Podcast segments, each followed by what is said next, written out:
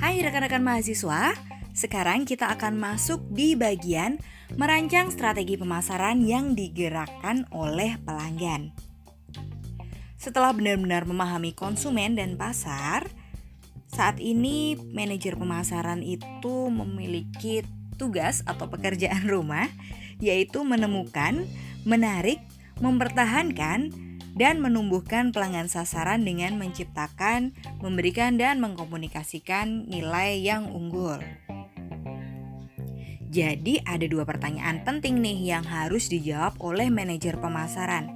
Yang pertama adalah pelanggan mana sih yang akan kita layani, atau yang mana sih target utama kita? Pertanyaan yang kedua adalah bagaimana cara terbaik kita dalam melayani para pelanggan ini. Intinya sih perusahaan benar-benar harus merancang strategi yang tepat dan memutuskan siapa yang akan dilayani. Jadi, pemasar benar-benar harus menentukan target utamanya, bukan menembak atau menyasar semua target pasar. Hal ini biasa dilakukan dengan strategi STP atau segmenting, targeting, dan positioning. Singkatnya sih, segmenting atau segmentasi pasar itu perusahaan melakukan pengelompokan terhadap segmen-segmen pelanggan. Kemudian eh, targeting itu memilih segmen mana yang akan ditarget eh sorry yang akan dituju. Kemudian positioning Positioning itu berarti bagaimana perusahaan itu atau pemasar melakukan diferensiasi atas dirinya sendiri atau bagaimana dia memposisikan dirinya sendiri di pasar atau di lautan produk. Jadi diferensiasi yang sudah dilakukan perusahaan itu akan membangun sebuah proposisi nilai. E, apa ya ilustrasinya tuh proposisi nilai itu kayak kenapa sih aku aku sebagai konsumen harus membeli merek tersebut dan bukan merek yang lain kayak gitu.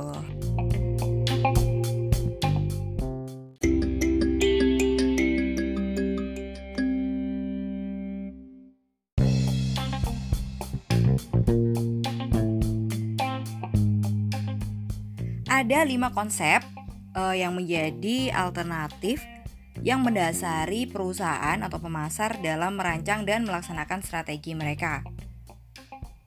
Konsep yang pertama adalah konsep produksi, yang kedua adalah konsep produk, konsep yang ketiga adalah konsep penjualan, yang keempat konsep pemasaran, dan yang kelima konsep pemasaran berwawasan sosial. Konsep yang pertama adalah konsep produksi. Ini menyatakan bahwa konsumen itu suka dengan produk yang tersedia dengan harganya yang terjangkau, yang sangat terjangkau. Ini akhirnya membuat perusahaan atau manajemen berfokus pada peningkatan produksi. Gimana caranya biar efisien dan distribusinya harus cepat. Selain cepat, biasanya distribusinya bersifat massal ya. Yang ini biasanya digunakan di produk-produk yang sangat kompetitif dan sensitif terhadap harga. Konsep yang kedua adalah konsep produk. Di sini konsumen itu akan menyukai produk yang menawarkan kualitas, kinerja, dan fitur inovatif yang terbaik. Jadi yang harus dilakukan pemasar biasanya mereka adalah berfokus pada upgrade produk yang continue Konsep yang ketiga adalah konsep penjualan. Konsep ini menyatakan bahwa konsumen itu nggak akan beli produk perusahaan kecuali jika produk itu dijual dalam skala penjualan dan usaha promosi yang cukup besar. Konsep ini itu benar-benar fokus pada penciptaan transaksi penjualan dan bukan pembangunan hubungan apa pelanggan dalam jangka yang panjang. Jadi yang dikejar adalah keuntungan melalui volume penjualan yang tinggi. Berbeda dengan konsep yang keempat yaitu konsep pemasaran, konsep ini menyatakan bahwa tujuan akhir organisasi itu adalah memberikan kepuasan yang baik kepada pelanggan. Bagaimana pemasar bisa memberikan layanan yang lebih baik dibandingkan pesaingnya. hasil akhirnya yang dikejar adalah keuntungan melalui kepuasan pelanggan itu tadi. Konsep yang kelima adalah konsep pemasaran berwawasan sosial. Di konsep ini dinyatakan bahwa strategi pemasaran itu selain harus memberikan nilai bagi pelanggan, itu juga bagaimana caranya tetap meningkatkan kesejahteraan konsumen dan masyarakat. Jadi di konsep yang kelima ini ada tiga pertimbangan dalam menetapkan strateginya. Ada keuntungan perusahaan, kemudian keinginan konsumen, dan kepentingan masyarakat. Jadi tidak semata-mata hanya di keuntungan saja ya.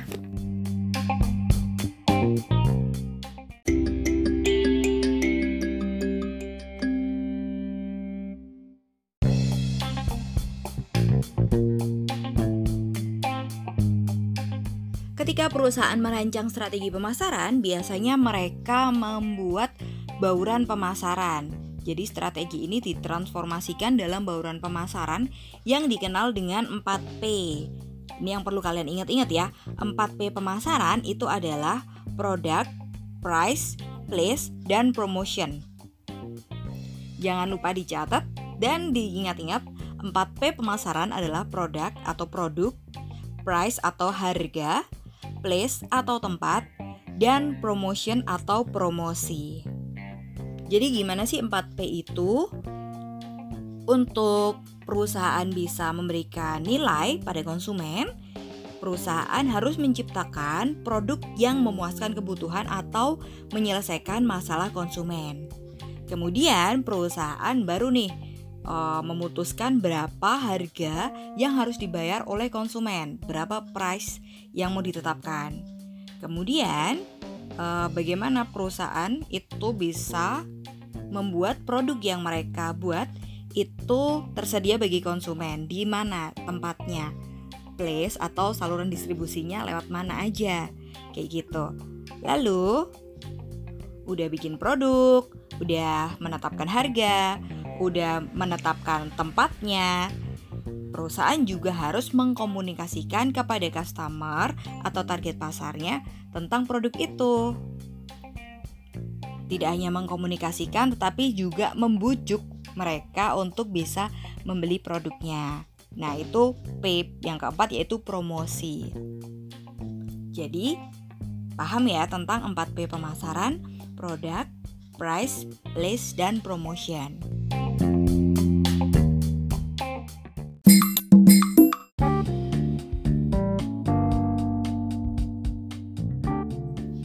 Tiga langkah pertama dalam proses pemasaran, tadi kita sudah belajar tentang memahami pasar dan kebutuhan pelanggan. Kemudian kita juga belajar tentang merancang strategi pemasaran yang digerakkan oleh pelanggan dan bagaimana membangun program pemasaran. Nah, sekarang kita akan masuk di langkah yang keempat yang merupakan langkah yang paling penting yaitu membangun hubungan pelanggan yang menguntungkan. Seperti yang dijelaskan di awal bahwa di sini hubungan menjadi keyword yang penting. Bagaimana sih perusahaan itu bisa memelihara dan membangun hubungan yang baik? Tentunya dengan cara memberikan nilai atau value dan kepuasan pelanggan yang tinggi.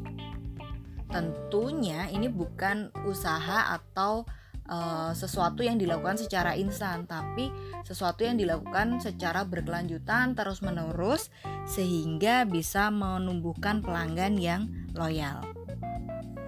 Selain memberikan kepuasan yang baik kepada konsumen, biasanya perusahaan itu melakukan atau menjalin kemitraan dengan perusahaan lain. Di sini tujuannya adalah agar perusahaan itu bisa sama-sama memberikan value lebih kepada pelanggan. Kemitraan ini bisa internal bisa eksternal ya. Contohnya yang biasanya atau paling kayak paling gampang kalian temui di dalam aplikasi OVO nih yang pakai OVO itu kalau kalian perhatikan di beberapa bulan ini dia bekerja sama dengan Prudential. Nah, jadi itu adalah salah satu strategi kemitraan yang biasa dilakukan perusahaan untuk memberikan value kepada konsumen. Contoh lagi, misalnya kalian belanja di outlet tertentu, Kemudian akan ada potongan harga atau promosi khusus bagi pemegang kartu kredit tertentu. Itu contoh yang dilakukan oleh perusahaan dengan melakukan kemitraan sehingga customernya bisa merasa value yang lebih baik.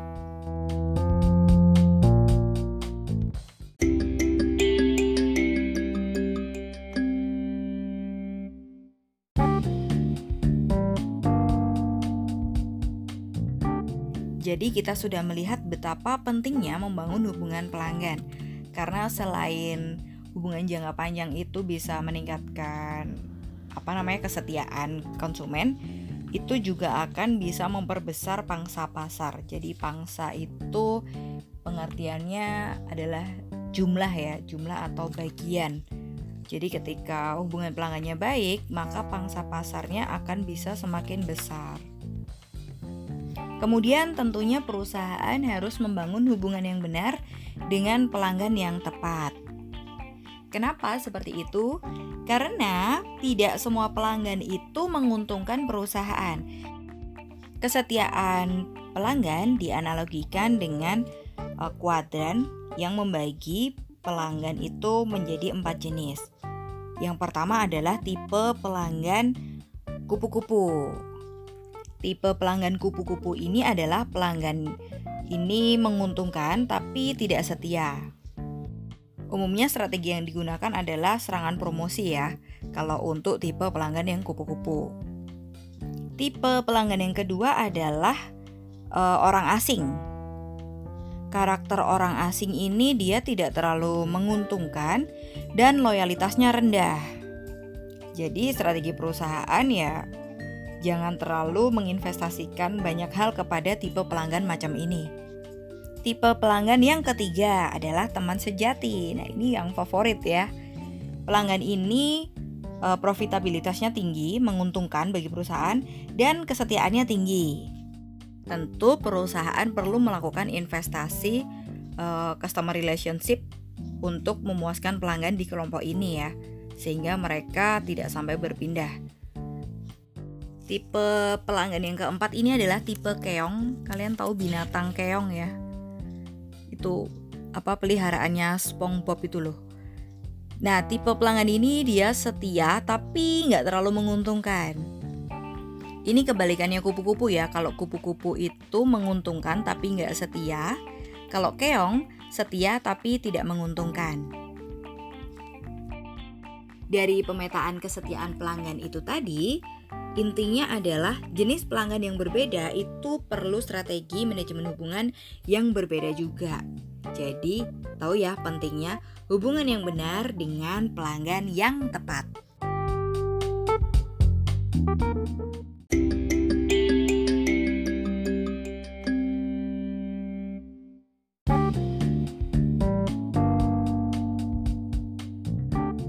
Saat ini kalian juga pasti merasakan bahwa banyak sekali perubahan di sekitar kita dan itu juga salah satunya mempengaruhi bagaimana pemasaran saat ini. Kalau dipetakan itu ada empat perkembangan besar, yaitu era digital, kemudian globalisasi, tanggung jawab etika, dan e, pertumbuhan pemasaran nirlaba ya. Kita bicara tentang digital, itu kan sekarang udah teknologi itu udah kayak makanan kita sehari-hari. Bahkan seperti yang kita lakukan sekarang di masa pandemi, kita tidak bisa bertemu secara langsung, tetapi kita menggunakan berbagai media dan teknologi untuk menjembatani pertemuan kita secara virtual. Dan teknologi itu juga menyentuh di dunia pemasaran. Sekarang banyak sekali media pemasaran bagaimana perusahaan itu mengkomunikasikan produknya, bagaimana perusahaan bisa memberikan value kepada konsumen, bagaimana perusahaan bisa berkomunikasi dengan konsumen itu menggunakan teknologi. Salah satunya yang berpengaruh besar adalah internet. Kekuatan yang kedua adalah globalisasi sekarang kita bisa banget buat beli produk yang dari luar Indonesia dan cara belinya itu nggak seribet dulu gitu. Hal yang sama juga bisa kita lakukan misalnya kita punya produk yang baik, yang bagus, kita mau jual ke luar negeri. Nah, banyak banget portal yang bisa kita pakai sekarang. Lalu tren yang selanjutnya adalah kebutuhan akan tanggung jawab etika dan sosial yang lebih besar.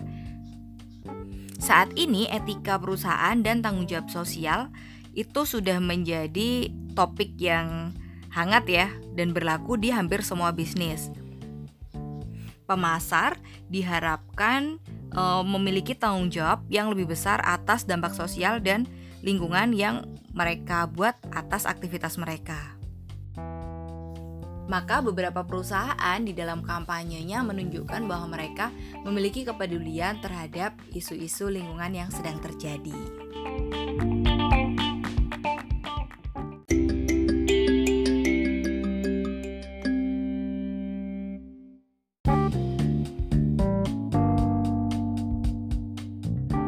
Sekarang kita akan membahas tentang pemasaran nirlaba kalian tahu nirlaba ya. Jadi kalau nirlaba itu organisasi atau institusi yang bergerak tidak berorientasi pada profit. Pertanyaannya adalah, apakah organisasi nirlaba ini juga memerlukan pemasaran? Kan mereka nggak cari profit. Oke, kita sudah belajar ya tadi di awal bahwa pemasaran itu tidak hanya berorientasi kepada profit, tetapi berfokus kepada membangun hubungan. Jadi, organisasi nirlaba ini juga perlu strategi pemasaran. Kenapa? Karena ketika mereka punya pemasaran yang kokoh atau punya strategi pemasaran yang kuat, itu akan membantu mereka untuk mendapatkan dukungan dan keanggotaan. Seperti contohnya kalian tahu kitabisa.com ya. Kitabisa.com memiliki strategi pemasaran dan branding yang sudah sangat kuat. Efeknya apa? Orang akan percaya dan tidak ragu untuk melakukan donasi dan bergabung di gerakan kitabisa.com tersebut. Jadi itulah kenapa pemasaran juga menjadi bagian dari strategi organisasi nirlaba.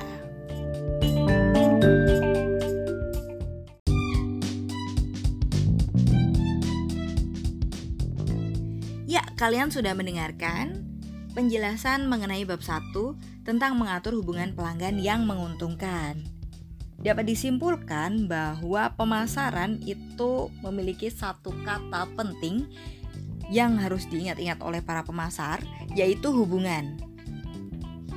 Kenapa? Karena hal ini yang akan mendatangkan keuntungan dalam jangka panjang dengan pelanggan, dengan mitra, dan dengan dunia di sekitar mereka. Kita ketemu lagi di pertemuan minggu depan. Bye!